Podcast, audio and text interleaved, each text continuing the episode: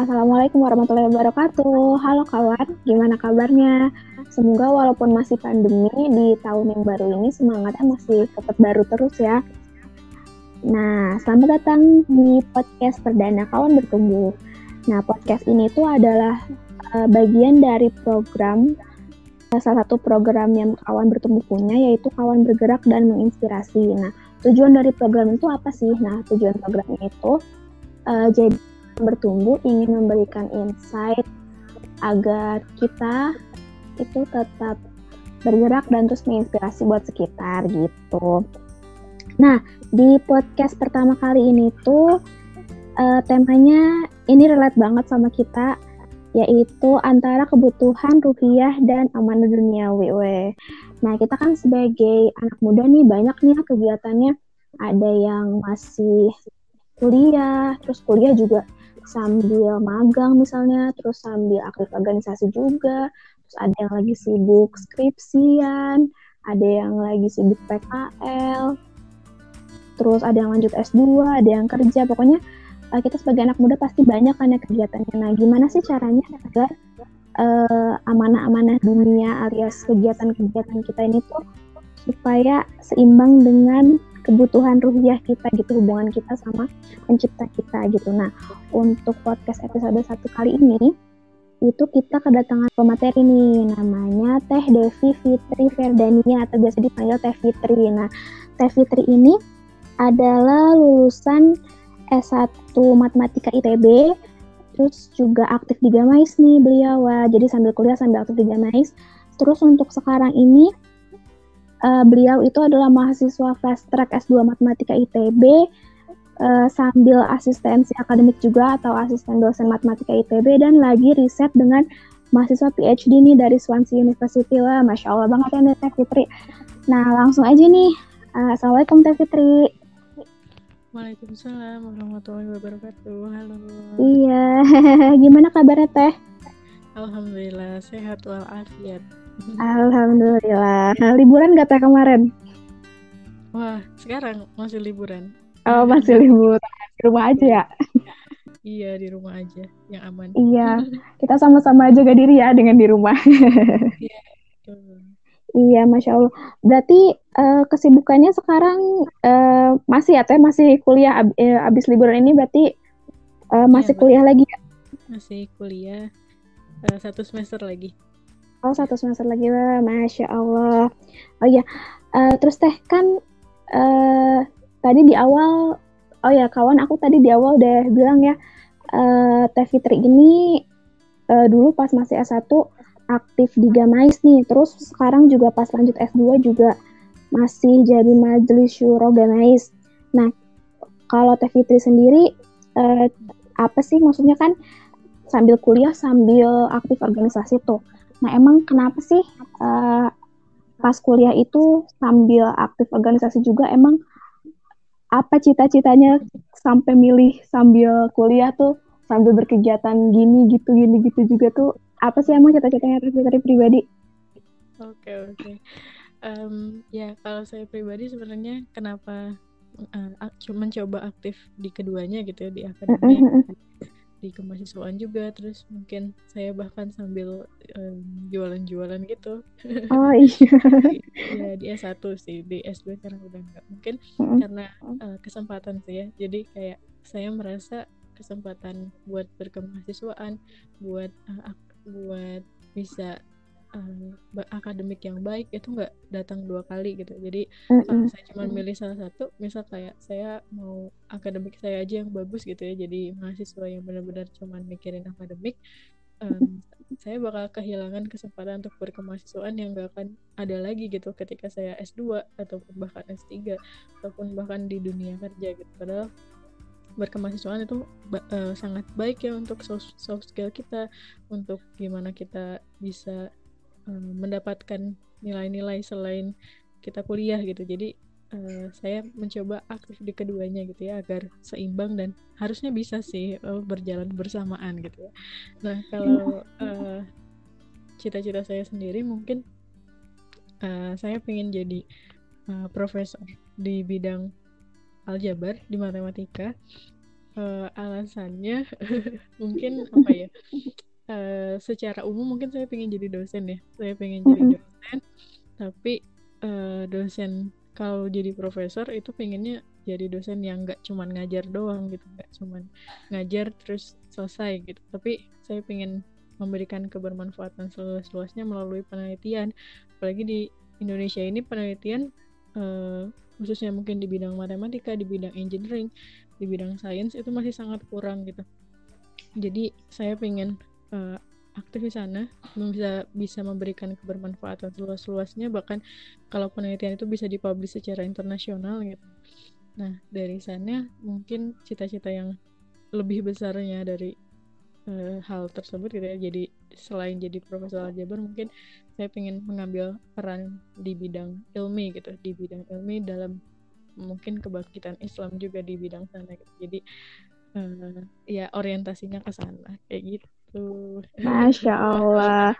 Berarti mimpinya orientasinya ujung-ujungnya ke kebangkitan Islam gitu ya dengan segala lini dari pendidikan terus aktif organisasi juga ujung-ujungnya mimpi terbesarnya ke sana ya berarti arahnya ya teh ya. Masya Allah. Terus dengan kan berat nih ya mimpinya berat untuk kebangkitan Islam tuh mimpi yang berat tapi nggak bukan nggak mungkin tapi pasti jalannya berat nih. Nah untuk Teh Fitri sendiri udah nemu belum sih jalan atau step-step menuju ke mimpi itu dari mulai mimpi untuk jadi profesor di bidang ajabar, kemudian ke ujungnya itu ke kebangkitan Islam udah nemu belum sih jalan dan step-stepnya itu sendiri? Oh oke, okay. Iya benar, itu mimpi yang sangat besar sekali dan uh, terkadang mimpi yang besar justru membuat kita jadi termotivasi untuk terus uh, memperjuangkan hal tersebut gitu ya. Kalau iya betul banget. Kecil-kecil aja kan kita wah nggak akan semangat gitu ya. Jadi mm -hmm. saya mimpi yang besar ya. Nah tapi benar tadi uh, jalannya udah ada atau belum gitu. Ya. Kalau jalan secara jelasnya gitu ya sampai ke ujung mungkin uh, saya belum bisa memastikan gitu ya. Maksudnya apakah benar nanti saya bisa jadi eh, cita-cita uh, saya tersebut atau enggak. Cuman kalau saya pribadi uh, hari ini udah menemukan roadmapnya gitu roadmap kasarnya untuk sampai ke sana gitu. Dan dari roadmap tersebut saya uh, mencoba mendetailkannya lagi gitu. Dari sana tahun ini bisa ngapain lima tahun lagi bisa ngapain yang tetap orientasinya ke arah sana gitu. Kalau saya pribadi mungkin uh, karena tadi cita-cita saya seperti itu sekarang udah mulai ya saya melanjutkan uh, studi ya ke S2 karena kalau mau jadi dosen ya minimal harus S2 gitu mm -hmm.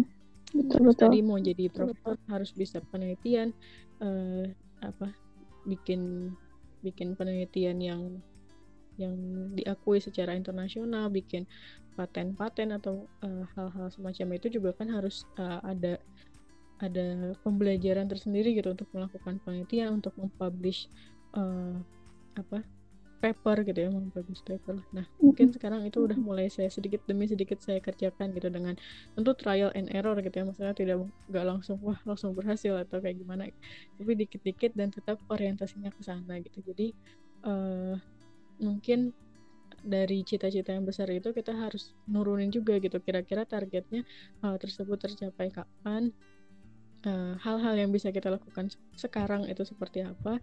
Dan uh, dari segala pilihan yang kita tentukan hari ini pilihan-pilihan kehidupan yang kita tentukan hari ini tetap orientasinya harus ke sana gitu biar nggak uh, apa ya fokus kita nggak hilang aja dari mimpi yang besar itu nggak cuman angan-angan belaka. Gitu. mungkin gitu. Masya Allah. Ya nah teh kan tadi uh, disebutkan katanya trial dan error nih ya dengan apa sih dengan jalan atau step-step atau roadmap yang udah dibikin ini. Nah untuk tetap kan apa ya pasti di perjalanan maksudnya seiring berjalannya dengan berusaha melaksanakan apa yang sudah dicatat di roadmap ini kan mesti ada apa tuh gangguan-gangguan gitu ya. Nah untuk istiqomah di jalan atau di roadmap yang udah teteh bikin tuh gimana sih teh ada nggak tips and triknya gitu? Oke, okay. uh, mungkin kalau secara umum juga ya saya masih suka masih sering banget naik turun gitu ya. Apalagi kalau udah mengalami kegagalan, udah mengalami kekecewaan gitu ya, pasti akan ada hmm, apa masa-masa di bawah dan uh, sedih gitu ya ataupun kecewa. Tapi menurut saya itu wajar gitu ya karena uh, kalau nggak ada hal-hal seperti itu kan jadinya nggak seru ya kayak flat flat aja gitu. Selesai aja terus gue aku udah jadi profesor iya iya. Hidup ini ya pasti tentu ada banyak cobaan dari Allah gitu. Untuk kita juga gitu ya untuk menjadi umat yang lebih baik untuk jadi manusia yang lebih baik. Nah kalau saya sendiri hmm, ketika mengalami trial and error tersebut mungkin uh, pertama jangan pernah berhenti mencoba gitu ya. Karena uh, apa ya ilmuwan-ilmuwan dahulu kala pun bahkan sampai saat ini uh, menemukan sesuatu tuh nggak langsung celing dapat gitu kan ya. Tapi mm. mengalami beberapa kegagalan gitu. Dan bukan satu dua kali bukan sepuluh kali bukan dua puluh kali bisa sampai ratusan kali gitu. Jadi jangan pernah berhenti gitu jangan pernah berhenti dan tetap berjuang. Kan kita nggak tahu ya misalnya kita berhenti di langkah ke 100 di cara yang ke 100 padahal kata Allah uh, kodarnya di di trial yang ke 101 tuh berhasil gitu. Tapi kita, keburu berhenti dan meninggalkan itu semua gitu semua yang kita perjuangkan. Jadi jangan pernah berhenti gitu ya. Dan yang kedua mungkin uh, belajar terus belajar dan mengevaluasi diri gitu. uh, belajar tuh sesuatu hal yang nggak pernah ada batasnya. Bahkan semakin banyak ilmu yang kita punya kita makin uh, ngerasa nggak punya gitu kan ya. Jadi menariknya uh, makin nggak punya jadi ya udah belajar aja terus gitu. Ketika mengalami kegagalan ataupun hambatan-hambatan oke okay, uh, harus uh, evaluasi dari sana kesalahannya di mana kekurangannya di mana dan uh, apa yang bisa kita perbaiki dan kita pelajari lagi gitu. Jadi uh, tentang evaluasi ini menarik gitu ya. Uh, bahkan saya lagi mencoba evaluasi diri setiap hari. Jadi uh, tiap pagi abis subuh mungkin nentuin gitu ya nentuin seharian tersebut sehari ini gitu ya saya mau ngerjain apa dan saya list gitu. Mau ngerjain ini ini ini ini. Mau uh, mau ngerjain asistenan mau ngerjain paper penelitian dan lain-lain sebagainya saya uh, list di pagi hari gitu ya. Dan setelah itu saya coba lakukan gitu. Saya saya coba kerjakan apa ya rencana yang saya mau lakukan. Lalu setelah itu pas malam gitu ya sebelum tidur jangan lupa untuk dievaluasi dulu gitu. Mana hal-hal yang tidak terenc tidak uh, terencana tiba-tiba jadi dikerjakan gitu. Mana yang tadinya direncanakan tapi nggak dikerjakan dan lain sebagainya gitu. Mana yang belum selesai mana yang tidak maksimal. Termasuk tentang amal yaumi juga gitu. Di hari tersebut uh, saya misal saat subuhnya telat gitu ya. Oh ya berarti besok harus nggak boleh telat dong gitu. Masa subuh telat gitu? Atau misal saya uh, apa ya kurang uh, tilawahnya belum satu juz atau dan lain sebagainya gitu. hmm. jadi evaluasi ini sangat penting gitu ya harus dilakukan tiap hari kalau enggak kita lost aja gitu uh, tidak menyadari bahwa ada yang nggak baik-baik saja pada diri kita gitu nah terus yang selanjutnya mungkin saya selalu mencoba berada di lingkungan yang uh, yang dukung saya terhadap mimpi-mimpi saya gitu ya entah itu uh, tadi di dunia akademiknya ataupun di cita-cita besarnya. Uh, yang tadi ya yang dalam kebangkitan Islam gitu kayak ya saya harus ada di antara orang-orang yang uh, yang concern ke arah sana gitu. Uh, yang concern ke arah sana dan ya baik juga untuk uh, apa untuk saya mencapai cita-cita tersebut gitu. Jadi bisa saling menguatkan ketika saya uh, lagi ngedrop atau nge lagi down gitu mereka akan bisa menguatkan saya gitu. Entah itu dari segi uh, duniawinya maupun akhiratnya gitu. Hmm. dan yang terakhir mungkin uh, ya itu jangan pernah uh, lupa sama kekuatannya Allah gitu. Mungkin banyak hal yang saya dulu anggap kayak ah nggak mungkin deh Fitri bisa melakukannya gitu ya. Tapi kayak menurut Allah itu sangat-sangat mudah dan bisa aja terjadi gitu. Jadi wah jangan jangan pernah lupa minta tolong sama Allah. Jangan pernah uh, ngerasa masalah kita besar gitu ya. Karena ya kita punya maha maha yang lebih besar dari segala-galanya gitu ya itu Allah jadi jangan lupa minta tolong kepada yang yang yang luar biasa dibanding kita kita ini. Masya Allah, oh nampol sekali ya. uh, Teh Fitri sendiri kan banyak nih kegiatannya ya, maksudnya dari mulai kuliahnya itu sendiri, terus ada asistenan, terus ada paper, penelitian juga. Nah untuk nyeimbangin nih Teh antara segala kesibukan itu dengan targetan amal yaumiyah tuh gimana sih Teh Fitri selain tadi kan memang dibikinnya tuh setiap pagi, maksudnya setiap pagi list-listnya gitu. Nah untuk teknisnya sendiri ketika pelaksanaannya itu ada kendala nggak sih? Terus kalau misalnya ada kendala, gimana sih tips and trick supaya tetap uh, apa targetan targetan kuliah dan asistenannya jalan, tapi targetan amalan yaumiyahnya juga tetap jalan tuh gimana sih teh? Oke, okay. uh, eh, ya uh, ya ini sulit juga sih sebenarnya buat saya gitu. Masih sering uh, belajar untuk memperbaiki ini. Tapi kalau saya pribadi uh, itu tadi direncanakan gitu ya. Kita harus bisa ngeplot waktu kita. Uh, apa hari ini uh, si targetannya apa aja gitu targetan duniawinya. Maksudnya kayak tadi misal ngerjain paper atau misal uh, kerja misal ada yang kerja ngajar atau apa gitu. Terus hmm, kuliah kuliah jam berapa jam berapa aja gitu. Jam kosongnya ada apa jam kosongnya mau dipakai apa gitu.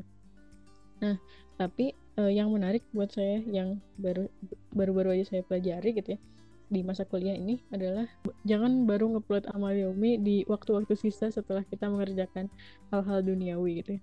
tetap diprioritasin yang pertama ya gitu. karena dulu saya sering banget kayak oh iya saya mau ngerjain ini saya ada rapat ini saya ada kerjaan ini ini ini gitu nah jam-jam sisanya barulah oh ya saya tilawah di, di jam segini deh gitu ya terus saya mau ingin di sini gitu dan akhirnya jadi waktu sisa tuh kan ya sisa-sisa tenaga juga ya jadinya kadang nggak tercapai kadang uh, ya udah seadanya gitu. Kadang juga ya ya nggak maksimal aja gitu. Jadi jangan ditaruh di akhir tapi di awal gitu.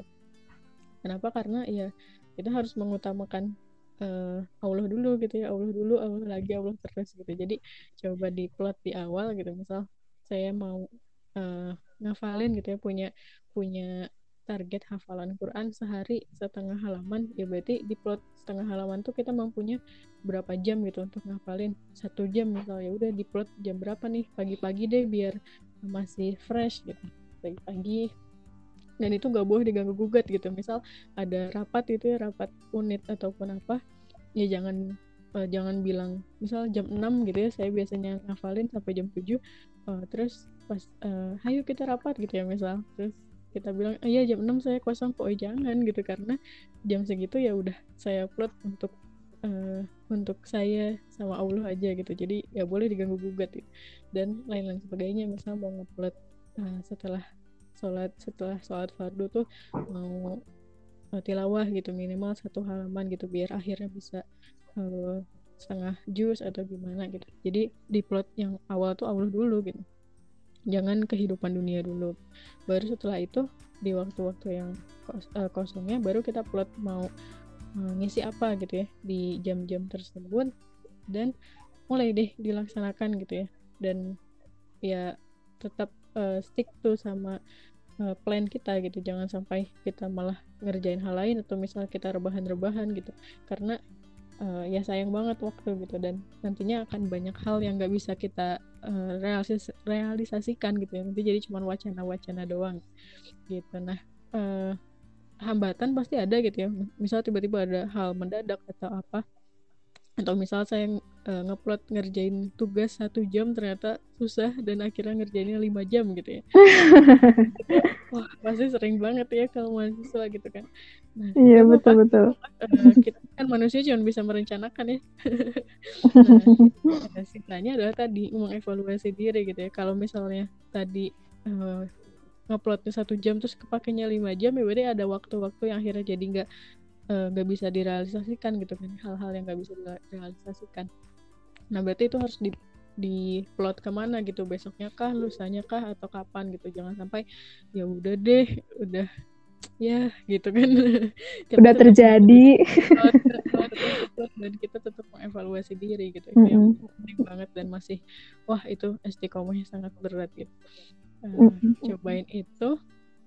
Terus mungkin yang selanjutnya adalah hmm, yang sulit itu bukan manajemen waktu sebenarnya gitu karena waktu mah ya 24 jam gitu ya. 24 jam ya gak bisa nambah gak bisa kurang. Tapi uh, gimana kita manajemen fokus gitu.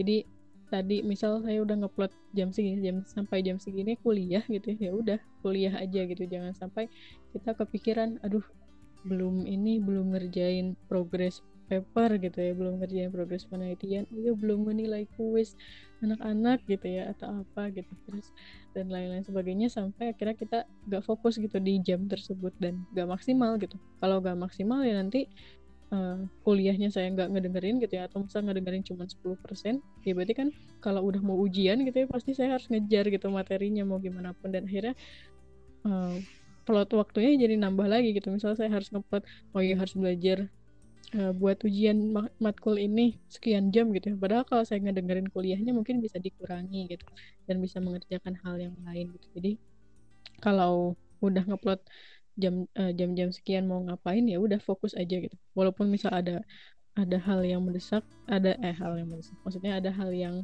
uh, perlu kita pikirin gitu pada saat itu juga ya udah depending dulu kalau misalnya nggak terlalu mendesak gitu ya. Baru nanti kalau udah selesai uh, ya baru mikirin hal tersebut itu biar nggak bercabang ya pikirannya. Perempuan bisa sih multitasking gitu tapi kan uh, multitaskingnya bukan hal-hal yang besar gitu. Misalnya kayak uh, kuliah sambil rapat online sama teman-teman gitu. Kalau besar gitu mana bisa gitu kan. Iya double job gitu ya teh. Iya terus kita jawabnya uh, malah bahasan rapat di sebelah gitu apa bahaya. Ya, jadi bahaya ya, banget manajemen fokus gitu ya. Fokus kita biar maksimal. Nah setelah itu semua kita lakukan ya kita coba pasrahkan sama Allah minta tolong sama Allah balik lagi buat uh, kalau memang rencana tersebut baik untuk kita kerjakan pada hari itu ya mohon dimudahkan. Kalau misalnya uh, tidak baik mohon dijauhkan gitu jadinya. Uh, bisa lebih uh, maksimal bisa lebih baik menurut Allah gitu. Kadang-kadang kan kita merencanakan sesuatu yang kita rasa baik buat diri kita belum tentu baik menurut Allah gitu ya. Jadi jangan lupa balik lagi ke sana. Kayak gitu. Masya Allah.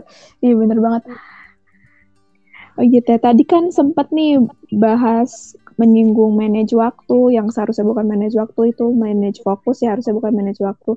Nah, terus untuk uh, Teh Fitri sendiri uh, apa sih motivasi terbesar Teh Fitri untuk uh, manage waktu dengan sedemikian rupa terus uh, mengatur skala prioritas sedemikian rupa itu apa sih motivasi terbesarnya hingga saat ini sampai apa sih terus berusaha untuk istiqomah dengan segala kegiatannya itu? Oke, okay. wah motivasi ya berat nih. Um, mungkin kalau saya pribadi balik lagi ke uh, tujuan hidup manusia gitu ya. Tujuan hidup manusia di surat Az-Zariyat Allah bilang manusia itu harus uh, beribadah gitu ya. Nah beribadah tuh ya di Islam bukan sekedar ibadah tuh sholat, hmm, tilawah yang maksudnya yang zohir langsung gitu ya. Tapi kan mm -hmm. ada gimana peran kebermanfaatan kita di umat gitu ya. Gimana kita berperan di umat dan uh, ya untuk mencapai hal tersebut tentu nggak mudah dan jadi perlu ada hal-hal yang kita kerjakan dari awal gitu. Nah balik lagi tadi sih karena mimpi saya seperti itu gitu dan uh, saya merasa ada yang urgent dengan uh, apa ya dengan dengan aspek pendidikan di Indonesia ataupun di dunia secara umum juga uh, saya punya concern juga di dakwah gitu ya dakwah di kampus dakwah kampus. Terus uh, apa ya tadi mungkin ya kebangkit tentang kebangkitan Islam itu mungkin ya bukan berarti Islamisasi ya maksudnya kayak wah saya punya teman langsung saya Islam tapi ya itu gitu cita-cita besar Islam. Dan gimana saya mau mengambil peran di sana gitu. Jadi yang memotivasi saya ya pasti orang uh, orang-orang yang dulu ada di zaman Rasulullah gitu ya gimana mereka uh, membangkitkan Islam yang tadinya cuman Rasulullah doang gitu ya yang Muslim gitu sampai akhirnya banyak sampai sekarang kita pun Muslim. Gimana sih mereka berjuang gitu? Dan itu sangat-sangat memotivasi saya untuk ya saat ini di akhir zaman ini gitu. Kalau kita cuman kejarannya cuman uh, kuliah buat dapat kerja yang bagus tuh kayak sayang banget gitu ya. Karena ya kalau udah punya uang banyak terus misalnya apalagi sekarang ini pandemi gitu ya uh, gak bisa ke mana-mana gitu ya maksudnya gak bisa jalan-jalan gak bisa makan uh, mewah gitu ya. Buat apa sih sebenarnya uang banyak gitu ya? Tapi kan kita hmm, apa ya hidup di saat ini ya untuk mencari kebermanfaatan apa gitu yang bisa kita share ke orang orang banyak gitu. Nah untuk jadi bermanfaat untuk jadi uh, berguna gitu ya untuk umat ya gak bisa kita uh, rebah-rebahan aja gitu hari ini gitu ya rebahan-rebahan aja gak ngapa-ngapain gitu cuma scroll IG doang tapi ya harus berjuang gitu. Dan dari sana uh, ya yang memotivasi saya untuk gak pernah mundur ya mungkin uh, ini ya apa janji Allah gitu janji Allah bahwa orang-orang yang ada di jalan Allah nantinya akan kembali ke apa ke tempat sebaik-baiknya manusia gitu ya ke surga gitu. Jadi kayak kita orientasinya tetap ke sana tapi bukan berarti kayak wah oh, saya mau masuk surga oh ya udah ibadah uh, ya maksudnya sholat gitu terus ngaji yang oh, bener-bener. Nggak keluar rumah.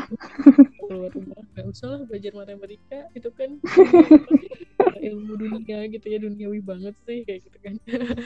Tapi ya itu tadi tentang bisa bermanfaat buat umat bisa menginspirasi. Maksudnya uh, uh, tidak menutup kemungkinan bahwa kita yang muslim tuh bisa menginspirasi orang banyak lewat ilmu kita gitu ya. Dengan lewat ilmu kita uh, lewat apa-apa yang kita punya yang kita capai. Kayak misal ketika kita berprestasi itu kan pasti bisa menginspirasi orang banyak juga gitu ya.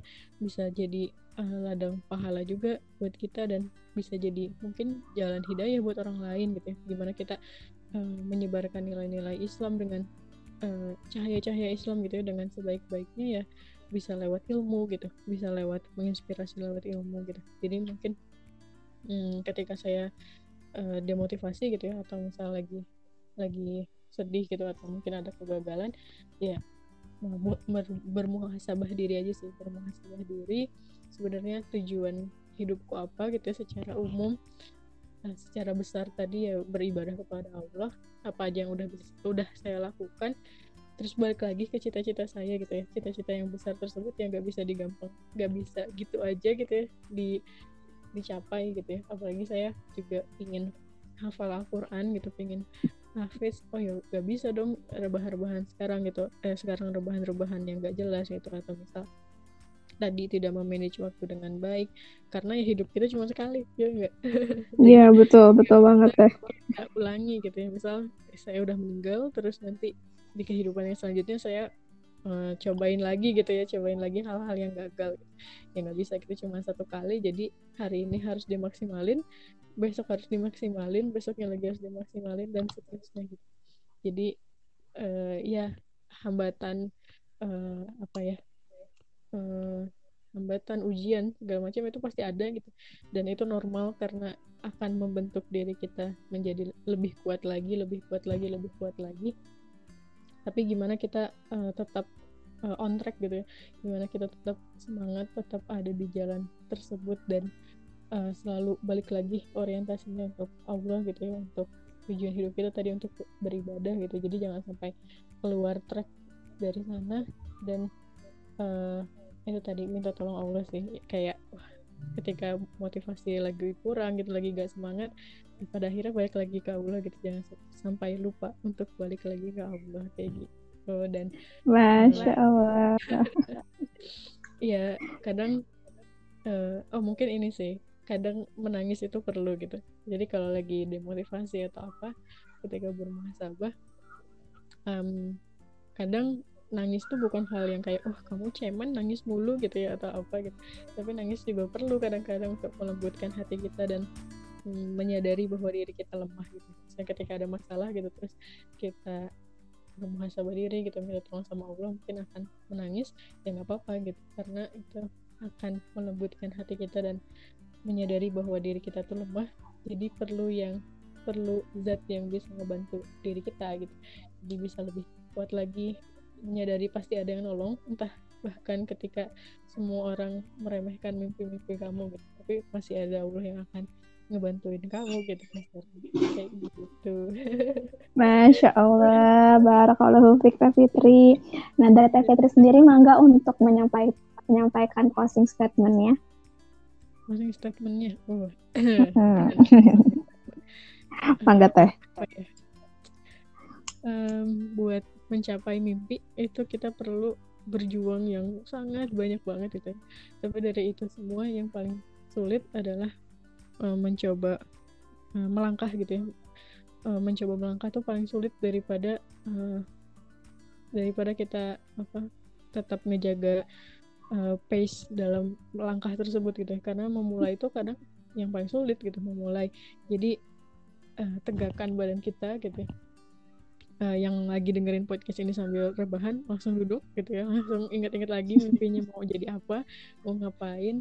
Uh, semangatin diri sendiri gitu ya. Karena kalau bukan diri kita yang semangatin mau siapa lagi sih gitu. Uh, langsung gak usah rebahan langsung tentuin hari ini mau ngapain besok mau ngapain uh, orientasi hidup kita mau ke mana gitu ya dan peran kebermanfaatan seperti apa yang mau kita uh, berikan gitu ya di umat di umat dan uh, ya seluruh manusia di muka bumi ini gitu. Dan tadi tentuin roadmapnya uh, manage waktu yang kita punya 24 jam mau diplotnya seperti apa. Dan tadi manajemen fokus harus fokus dan hmm, ya tadi jangan pernah berhenti ketika ada hambatan ada uh, kesulitan ya ingatlah bahwa masalah-masalah besar tersebut kita masih punya Allah yang lebih maha besar gitu dari segala macamnya maka minta tolonglah ke Allah dan uh, kuatkan dirimu untuk kehidupan yang hanya satu kali ini. Ya, yeah, masya Allah. Uh, mantap Teh Fitri ini. Nah, sebelum ditutup, uh, aku mau nyampein kesimpulan dulu ya dari podcast episode satu ini. Nah, mungkin kalau dari Teh Fitri ada yang mau dikoreksi, ditambahin boleh. Ini kesimpulannya. Uh, jadi teman-teman, kita semua itu sama-sama punya waktu 24 jam. Nah, maka yang harus dilakukan itu bukan cuma sekedar manage waktu, tapi juga manage fokus, sehingga tidak ada waktu yang terbuang. Nah, kita jangan sampai memplotting waktu waktu untuk pemenuhan kebutuhan ruhiah kita itu hanya di waktu sisa karena kalau di plotting waktu sisa itu cuma ada sisa-sisa tenaga aja gitu. Jadi kalau bisa uh, kebutuhan ruhiah kita itu diplotting utama saat kita uh, membuat roadmap apa sih yang mau kita lakukan kayak gitu. Dengan cara membuat roadmap seperti itu, insya Allah kehidupan kita akan tawazun gitu ya, seimbang antara uh, kegiatan di duniawi kita dan kebutuhan ruhiah kita. Karena uh, kita itu harus meluruskan niat ya, insya Allah kita harus berusaha terus meluruskan niat agar orientasi kita itu selalu untuk ke Allah. Tadi kalau kata Teh Fitri, uh, Allah terus, Allah lagi. Eh gimana Teh? Allah lagi, Allah terus. Eh salah astagfirullah.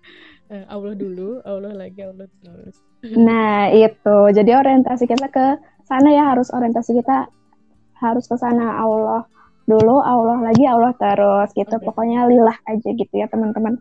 Oke, kurang lebih gitu ya podcast perdana kita kali ini. Uh, sebelumnya tadi uh, saya mewakili tim kawan bertumbuh mau bilang makasih dulu nih jazakillah khair untuk Teh Fitri yang udah bersedia untuk jadi pemateri kita di podcast pertama. Jazakillah khair Teh Fitri. Iya, iya, kita sama-sama. Semoga ada kebaikan yang bisa teman-teman dengarkan dan dapatkan. Yeay. Ayo kita Amin. iya, masya Allah. Barakallahu fiik.